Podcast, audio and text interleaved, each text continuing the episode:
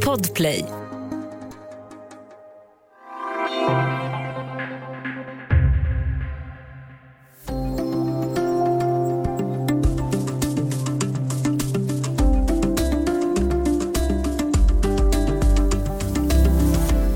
Inom EU balanserar medlemsländerna.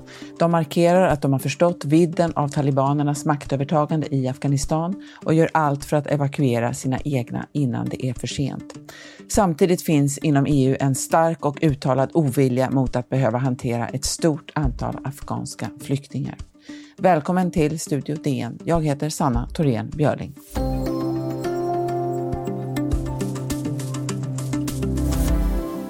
Ja, den snabba utvecklingen i Afghanistan tog många av världens ledare på sängen, också inom EU.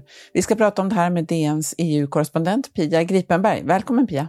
Tack! Du, om vi börjar med att backa lite. Flyktingkrisen 2015, den ledde till en mer restriktiv flyktingpolitik i många länder. Men ser man till just Afghanistan så har synen på det landet varit lite olika om man jämför. Eh, Sverige utvisade dit så sent som i början av den här sommaren Först i mitten av juli så stoppades alla utvisningar dit. Eh, vad skulle du säga, hur, hur unikt var Sverige? Alltså Sverige följde ju då, när det var rekommendationer från dåvarande afghanska regeringen och även FNs flyktingorgan UNHCR, att man skulle sluta med utvisningar till Afghanistan. Och det gjorde ju också flera länder.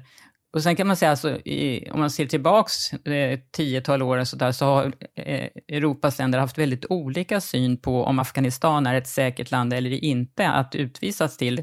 Och det är väl det vi har sett till exempel att eh, afghaner som fått avslag på sin asylansökan i Sverige har sökt sig till Frankrike som har en liten annan syn. Men Sverige och flera andra länder slutade att eh, utvisa till Afghanistan då i juli. Men det som är intressant är att så sent som 5 augusti, tio dagar innan Kabul föll, så var det sex EU-länder som skrev brev till EU-kommissionen och krävde att de här tvångsutvisningarna måste få fortsätta, för att annars skulle Europa eller EU framstå som liksom en lockande för afghaner att söka sig till, så det skulle sända fel signaler, som det stod i brevet, att sluta med tvångsutvisningar. Ja, det där är ju, är ju spännande. Vad har hänt med det där brevet sedan dess? Ja, det som har hänt är eh, att eh, fyra av de här länderna, Danmark, Nederländerna, Tyskland och Belgien, de har ju liksom ändrat sig. Det där, de inser ju ganska snabbt att det där var inte en hållbar strategi. Eh, Grekland har inte fattat något formellt beslut, men där har man då, eh, deras minister för migration har sagt offentligt att det går ju inte att utvisa några afghaner nu, som läget är nu. Däremot Österrike har varit liksom mera vad ska man säga, haft en mer rigid hållning. De vill fortsätta utvisa afghaner och om det inte går då till Afghanistan, alltså delar av österrikiska regeringen vill det här, det är de konservativa ÖVP-partiet som har då förbundskanslerposten, utrikesministerposten, inrikesministerposten, stora partiet i regeringen. De vill kunna fortsätta utvisa och om det inte går till Afghanistan så vill de då utvisa till närområdet. Där tycker de att man kan upprätta något sån här eh, deporteringscenter eller vad man ska kalla det för. Mm, intressant. Österrike var vi också ett av de länder som tog emot flest då, 2015, eller hur? Ja, det var det. Österrike, Tyskland, Sverige var ju som tog emot väldigt många. Så det finns ju många eh, med eh, Österrike med afghanska rötter. Så EU-länderna anser ju då generellt att Afghanistan nu är alldeles för osäkert att utvisa till. Och som pågår då den här stora evakueringen av personal och egna medborgare. Det har vi ju sett eh, även Sverige göra. Och här fick ju UD i alla fall initial kritik för hur man hanterade de lokalanställda på ambassaden i Kabul. Och nu försöker man då få hem personer på den så kallade svensklistan. Om man ser till andra EU-länder, du har ju skrivit om det här Pia, hur, ser, hur har deras motsvarande evakueringar gått till? Alltså det kan man säga att det har varit ganska stor kritik mot flera av de här länderna. Dels för att det var liksom taffligt och vacklande i början och det var ju svårt att man liksom landade ett plan och så fick man bara med sig sju medborgare som då var i, i, i tyska fallet. Så att tyska utrikesministern har fått väldigt stor kritik och, tys och eh, försvarsministern för hur man har skött det här. Eh, och samma sak har det varit i Storbritannien. Där evakuerar man till en början för många av den egna ambassadpersonalen, så det fanns inte tillräckligt med folk på plats att utföra de här viseringarna som trots allt krävs. Så att eh, man fick då efter något dygn skicka tillbaks personal som fick ta hand om då de britter och de eh, afghaner som var liksom berättigade att komma till Storbritannien så att de skulle kunna liksom lämna landet och inte bli kvar på grund av att det var av administrativa skäl. Så där har ju, där brittiska regeringen och underrättelsetjänsten också fått skarp kritik för att man inte förutsåg bättre vad som skulle hända.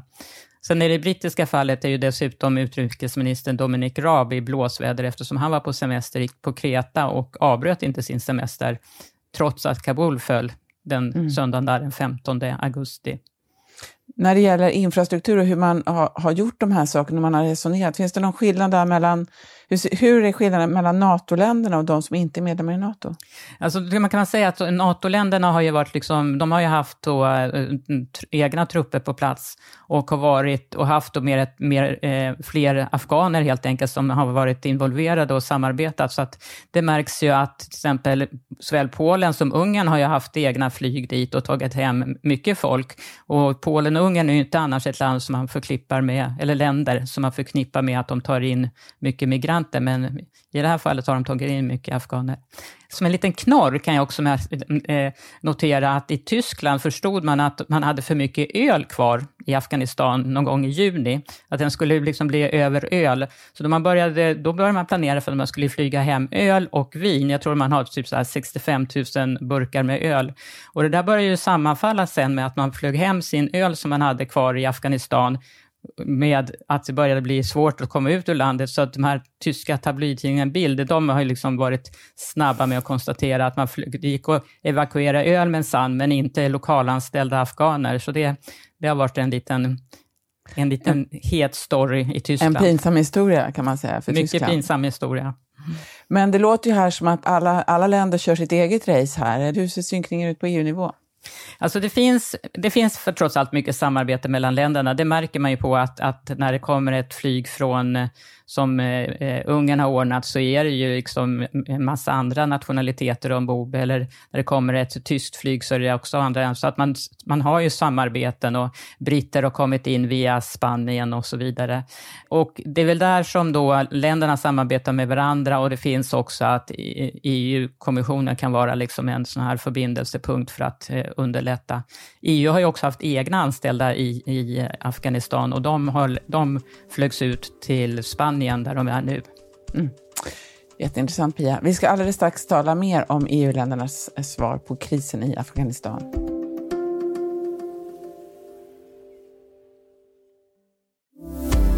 Studio DN idag med Dagens Nyheters EU-korrespondent Pia Gripenberg. Vi pratar om Afghanistan och EU. Ja, många EU-ledare, de, eh, som, som du berättade här, de överraskades ju då av hur snabbt allting gick. Eh, och en, i en del fall så har det varit skarp kritik också för hur det här har hanterats. Men migrationsfrågan, den har ju varit en het politisk fråga i EU under lång tid. Eh, det är ju flera länder här, du var ju inne på Tyskland nyss här, de går ju till val om bara en månad och i Sverige är det val nästa år. Eh, det har varit flera möten då nu på sistone mellan eh, e EU-toppmöten av olika slag, ministermöten, man har tagit upp den humanitära situationen, men också är det ju väldigt tydligt att man vill undvika flyktingar på europeisk mark i alla fall. Vad skulle du säga som har följt de här mötena? Hur har tonläget varit där? Ja, men tonläget är ju att det får inte bli 2015 igen. Det är, liksom, det är ganska samfällt, att man vill absolut inte att det ska bli den här, eh, att över en miljon eh, flyktingar och migranter liksom tar sig in i EU. Och eh, ja, bland annat EU-kommissionens eh, inrikeskommissionär då, Ylva Johansson, hon sa ju det i ett uttalande förra veckan, tror jag det var, efter ett, ett ministermöte, att, att eh, vi måste ju agera innan de står vid våra gräns. Liksom det, det går, man får inte misslyckas med det igen. We have to avoid that people start on very dangerous journeys irregularly arriving at EU borders. We should not wait until people stand at our external border. We need to help them before that. Det är en samsyn om. Sen är det hur det ska gå till är en annan fråga. Sen är det också så att flera länder är ju beredda att ta emot eh, afghaner som man är, anser särskilt utsatta. Emmanuel Macron har till exempel nämnt eh, aktivister och forskare och journalister, sådana som kan liksom Eh, vara illa ute, liksom, eller det kan förväntas vedergällningar från talibanerna. Och Frankrike har ju också val nästa år, det ska man komma ihåg. Så att både i franska valrörelsen och tyska valrörelsen kan ju prägla hur diskussionerna går sen i kommande möten, för att ingen av, varken Emmanuel Macron eller de eh, stora tyska partierna, de vill ju ha ett, en diskussion om att, eh, en, att migrationen blir en jättefråga i valrörelsen, det tror inte de gynnar dem i valet. Nej, just det. Ja, du har ju pratat med Ylva Johansson, EU-kommissionären. Eh, vad kan hon och EU-kommissionen göra då? Ja, det de kan göra är att de kan samordna, liksom att försöka få en någon slags enad hållning, att EU har en enad hållning utåt. Och sen finns det ju också pengar, alltså det finns ju mycket pengar att hämta för att upprätta till exempel någon form av flyktingläger utanför Afghanistans gränser för de som flyr eh, då till Pakistan eller Iran. Det är ju inte heller de enklaste länderna att samarbeta med för EU, det finns ju konflikter i bakgrunden där. Men där, det, så är tanken nu, att man ska hjälpa i närområdet. Man ska hjälpa i Afghanistan genom FN som är kvar fortfarande och man ska hjälpa i närområdet. Och man ska ha, eh, ta också att folk som är utsatta ska kunna komma in. Och mm. jag tror att där, det är ett möte nästa vecka i, i Bryssel med eh, inrikesministrarna som ska handla om just Afghanistan. Och där tror jag att det kan komma att eh, EU på något sätt börjar närma sig några så här tal, hur många eh, afghaner kan få komma in i EU och komma in i olika länder. För att till exempel såväl Kanada som Storbritannien har ju redan deklarerat att man kommer att ta in 20 000 afghanska flyktingar var de kommande åren. Mm. Ett annat land som kan komma att utnyttja den här situationen politiskt, det är ju Belarus som vi har hört en del om, som nu under en tid har, kan man säga, slussat flyktingar genom landet till EUs gräns, in i Litauen där. Eh, hur tror du att Belarus eh, använder det här? Regimen Lukasjenko, de undersöker säkert möjligheterna att kunna använda afghaner då i, i liksom sina egna syften att på något sätt destabilisera EU.